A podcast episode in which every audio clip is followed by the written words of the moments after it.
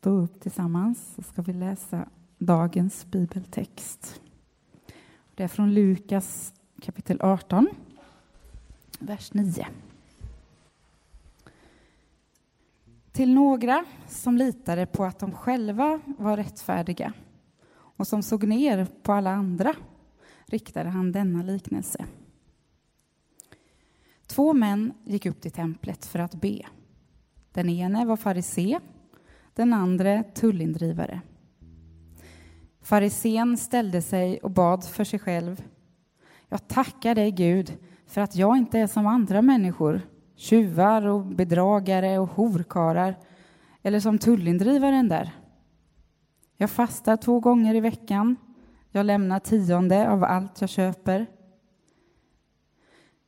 Men tullindrivaren stod avsides och vågade inte ens lyfta blicken mot himlen utan slog med händerna mot bröstet och sa Gud, var nådig mot mig, syndare.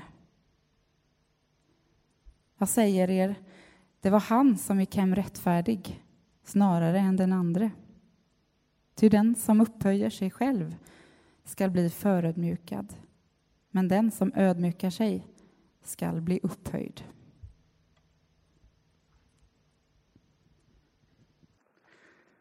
Ska vi be tillsammans?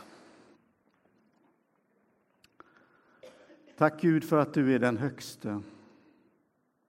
Och tack Gud för att du ser varje skärva i våra liv. Allt som fungerar och allt som inte fungerar. All glädje och all sorg. Tack Gud att du vill möta oss in i vår situation idag. Att ditt ord vill tala till oss. Gud, med din heliga Andes hjälp kan det få vingar idag och ta fart i oss. Vi ber om det i ditt heliga namn. Amen. Jag ska predika idag över det här temat som är den här söndagen som är tro och liv. Tro och liv, alltså hur det du tror, det du tror och vet om Bibeln, det du har hört i kyrkan, eh, det du har hört om Jesus, som Gud, allt det där tankegodset i din tro, i din tro, hur det tar sig uttryck i våra attityder, i, i våra handlingar och sättet som vi lever. Ibland så hör man folk som tycker att de där kristna, de är bara så präktiga. Man blir nästan trött. Och man förstår att en del av den kommentaren bakom det kan ligga att man själv känner att man inte skulle platsa i kyrkan om man nu ens skulle vilja det. Därför att den här livsstilsribban, den är ju gigantiskt hög, tänker man. Det är ju ingenting för mig. Det kan ju inte jag, de är inte som jag. Och så anar man att det bara är en massa hyckleri bakom. Att det skramlar liksom tomt. Man misstänker det i alla fall. Man kan ju aldrig vara riktigt säker, men misstanken finns där. Och aldrig är väl media så snabbt på en nyhet som när det handlar om skandaler inom kristenheten. Liksom med en slags undertext eh, som säger mm, vad var det vi sa? Det var bara skrammel. Det var inte så mycket bakom när allt kommer omkring. Men det här med präktighet, det kan också finnas ibland oss bröder och systrar i en församling inom den kristna gemenskapen. Alltså den kulturen av andlig duktighet har ibland en förmåga att ta sig in i, i vår gemenskap. Och den är superfarlig, otroligt lurig. För Den kommer smygande liksom från sidan ibland i våra liv. Och den håller tillbaka. Den håller tillbaka det som Gud vill göra det är ett sätt att få en församling att, bli, att inte förlösas. Det är att vi låter det här ogräset, eller vad vi skulle kunna kalla det för, det får bara växa. Va? Det får bara fortsätta att sprida sig. Och vi tänker, det är nog bara jag som svär åt mina barn. Det är nog bara jag som tänker de här tankarna som jag nog inte skulle behöva tänka eller inte borde tänka. Det är nog bara jag som gör saker som jag tänker att det är nog allra bäst att jag håller tyst om det här. För den gemensamma koden i kyrkan är ju att vi ska vara de som lever som vi lär.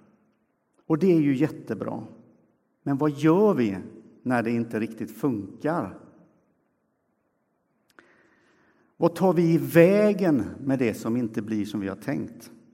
Pingstledaren Pelle Hörnmark, som en del av er kanske känner till, han, eh, han intervjuades om just det här med präktighet för några år sedan. Och han menade att det är dags för församlingarna att på riktigt på djupet göra upp med, med den här, det här präktighetsidealet. Och jag citerar från tidningen Dagen. Det som drog igång hans tankar var att han märkte hur människor i församlingen drog sig undan när de fick problem. Om ett förhållande gick sönder, om man gick i konkurs, fick alkoholproblem eller hade ett barn som gjort bort sig. Plötsligt så sprang de som drabbats bort ifrån gemenskapen. Jag tänkte att det borde vara tvärtom, att det var då man skulle springa in. Jag menar, måste man alltid lyckas? Eller får man vara med här med lite sår i själen och ärr som faktiskt syns? Jag vill i alla fall inte vara med i någon församling eller samfund där det inte är så, säger Pelle Hörnmark.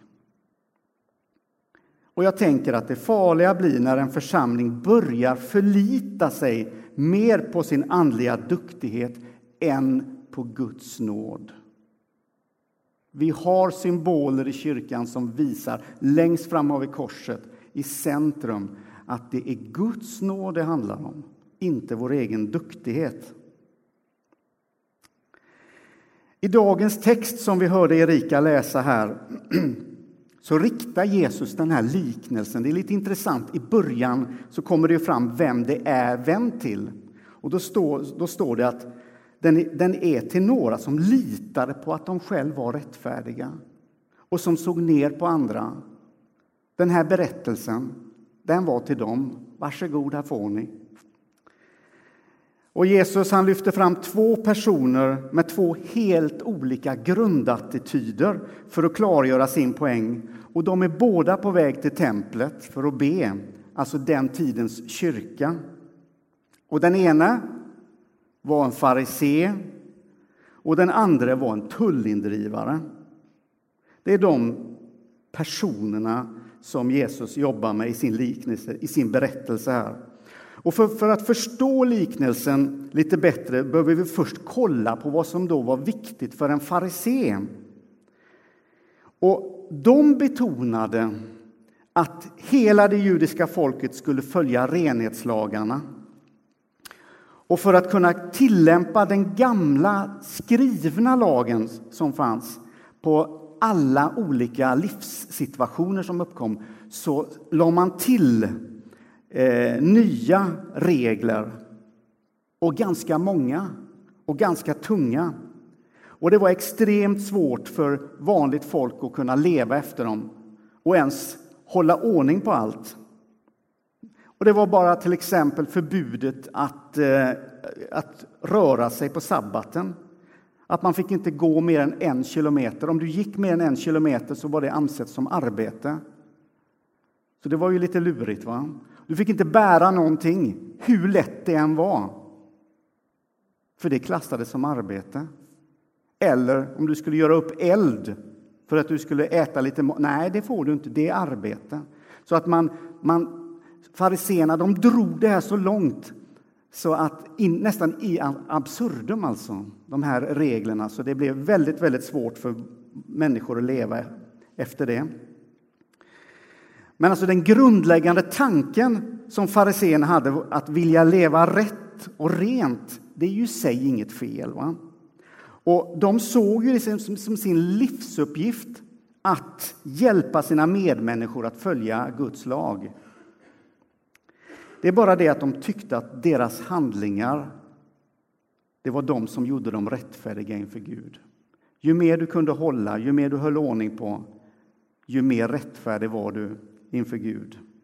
Så det, det, det är den ena, det är farisén som står där, va? som ni hörde i den här bönen han bad. Och så kommer tullindrivaren som i texten inte ens verkar våga ta sig in i själva templet. Han, han är någonstans vid sidan. Va? Han, han, han har riktiga problem här, eh, förstår man. Och det var ju en skatteindrivare. Och ibland så kanske vi inte riktigt anar vilken, vilken låg status de hade, de här tullindrivarna. Det var ju nämligen så att de jobbade ju för det romerska riket. Det var ju de som var deras... De drog ju in eh, skatt till det romerska riket. Och det romerska, romerska riket ockuperade ju landet. Så man tyckte ju att det här är den värsta sortens förrädare. Det är ju landsförrädare. De tyckte ju att det här var, det var avskum. De här eh, tullindrivarna. Så de hade ingen som helst status. Och Jesus han leder oss in i liknelsen på de olika sätten som de här två männen ber. För sättet som du ber avslöjar en del om vem du är och vilket förhållande till Gud du själv har. Liksom. Hur mycket du klarar dig själv uppenbaras i sättet du ber. Hur mycket du behöver hjälp av Guds nåd avslöjas i sättet du ber. Och det märks ju nu när vi närmar oss farisén som börjar att be. Och det är bönen från en som någonstans är, är i det förträffliga. Han säger, jag tackar dig Gud för att jag inte är som andra människor. Tjuvar och bedragare och horkarar eller som tullindrivaren där. Och där står tullindrivaren i ett hörn. Liksom. Det är klart att han, den här farisén tar ju upp hela luften i det här templet kan jag tänka. Jag fastar två gånger i veckan. Jag lämnar tionde av allt jag köper. Så vad han gör egentligen i den här bönen, det är att han tackar Gud. Ungefär så här, tack Gud för att jag klarar mig så bra själv. Det är bönens innehåll. Och då kan man fråga sig, behövde han Gud överhuvudtaget? Eller var han bara ganska nöjd med sitt eget andliga livsprojekt som han bygger? liksom? Tullindrivaren, hans bön, den är ju helt annorlunda. Hans bön, förstår man, gör ont i honom när han ber. Hans, han är liksom... Han är inte riktigt... Han känner sig inte riktigt välkommen, han vet inte riktigt hur han ska förhålla sig.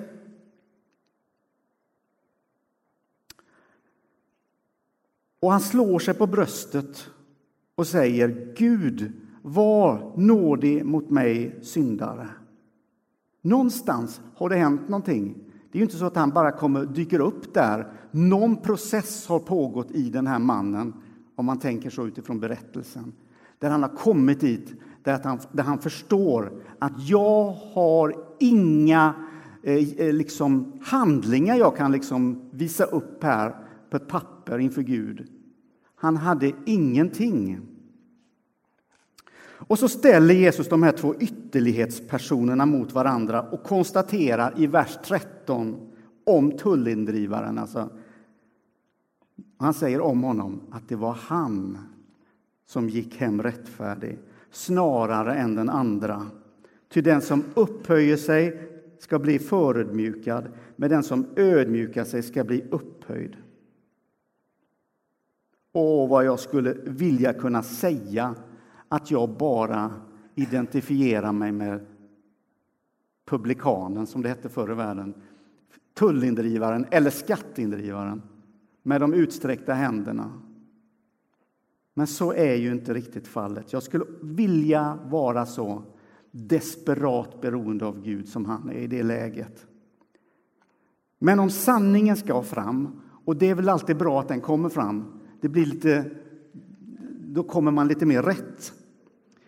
Så har vi väl lite av båda de här personerna i oss. Livet är ju sällan helt svart eller vitt, antingen eller. Och det är faktiskt så att det inte är speciellt svårt att glida ur det rätta och nära beroendet av Gud och upptäcka att vi bär en alldeles för stor del av tillvaron på våra egna axlar. Guds nåd, när vi bär så mycket och tror att det handlar om oss, det är då som nåden börjar bli diffus för oss och känns lite avlägsen. Och vi, vi betraktar den så här. Va? Vi, vi, är inte i den riktigt, vi upplever den inte, utan vi, vi ser på den lite som genom en glasruta nästan. Och jag, jag, jag säger det här med respekt för dig som upplever att du nästan har tagit över Guds jobb i ditt liv. För det är ju det som det, det, är, det som det är. Vi tar över Guds jobb. Jag säger det med respekt för dig, för att det här är så lätt att hamna i detta. Men jag vill också säga detta. Gud ställer inte frågan varför till dig. Han ställer frågan vill du? Han ställer inte frågan varför. Han ställer frågan vill du? Och dagens text har ett budskap till oss idag och det kommer i formen av två små frågor. Har jag min rättfärdighet genom Guds nåd eller i min egen andliga duktighet? Är det någonting i mitt liv som behöver korrigeras på den här punkten? Jag tänker så här att en kristen människas allra viktigaste uppgift det är att lokalisera sig i förhållande till korset. Att hålla koll på vad jag är i mitt liv just nu. Inte vad jag var för en vecka sedan, inte vad jag var för fem år sedan eller för 15 år sedan. Det är inte relevant, utan vad är min lokalisering i förhållande till korset idag? Jag tänker så här att den helige Ande är din inre GPS som vill hitta den närmaste vägen till destinationen nåd. Du har den här inne, den helige Ande som vill korrigera dig. Du kan ju aldrig, du behöver, ska du ha en GPS som fungerar i ditt hjärta så starta den vad är din position nu? Vad är, vad är pluppen någonstans? Kolla på din mobil. Där är jag. Nu är du i Saronkyrkan i Annedal. Du börjar där. Du kan inte börja någon annanstans än där du är. Och det är det Gud vill starta alla processer just i det läget. Hur osminkat och hur det än ser ut. liksom. Och vi vet inte vad som ledde tullindrivaren till den här desperata handlingen som han gör, att nästan kasta sig i Guds famn. Det utelämnar Jesus i sin liknelse. Men det finns en sak som alltid händer när en människa på nytt förankra sig i Guds nåd eller nyorientera sig. Det är att Gud i sin kärlek redan har gjort ett arbete i ditt hjärta. Vi tror att ja, nu är jag här, nu så närmar jag mig Gud. Ja, men han har varit i ditt hjärta för att förbereda. Bakom kulisserna. Och han drar oss, vill dra oss, dig och mig, närmare sanningen om oss själva. sanningen om det, det, det verkliga tillståndet. Och då, då drar han oss för vi vet det, som Jesus säger på ett annat sätt, ställe, att sanningen ska göra er fria. Och där börjar processen. Så i ett helgjutet kristen liv hänger det vi tror ihop med vår livsstil. Vi kan ju inte säga att det inte spelar någon roll hur vi lever eller beter oss. Vi har ju ändå Guds nåd som en slags fet försäkring hela tiden, så det är inte så noga. Men det är viktigt att leva rätt. Det är också viktigt att jobba på sin helgelse, för att använda ännu ett gammalt uttryck. Men när vi inte lyckas, det är det här, när vi inte lyckas leva som vi vill och när vi ser våra brister så där pinsamt tydligt, låt oss då inte mörka. Låt oss då inte verka bättre än vad vi är och, och ta på oss en from kostym. Låt oss inte nära präktighetens kultur här i Saronkyrkan. Någon sa att kyrkan är ett sjukhus för brustna själar. Hit får vi komma tillsammans. Vi får hjälpa varandra närmare korset, närmare barmhärtighetens centrum, närmare den kärlek som fullständigt saknar motstycke. Och vi får säga med tullindrivaren Gud, ha förbarmande med mig. Amen.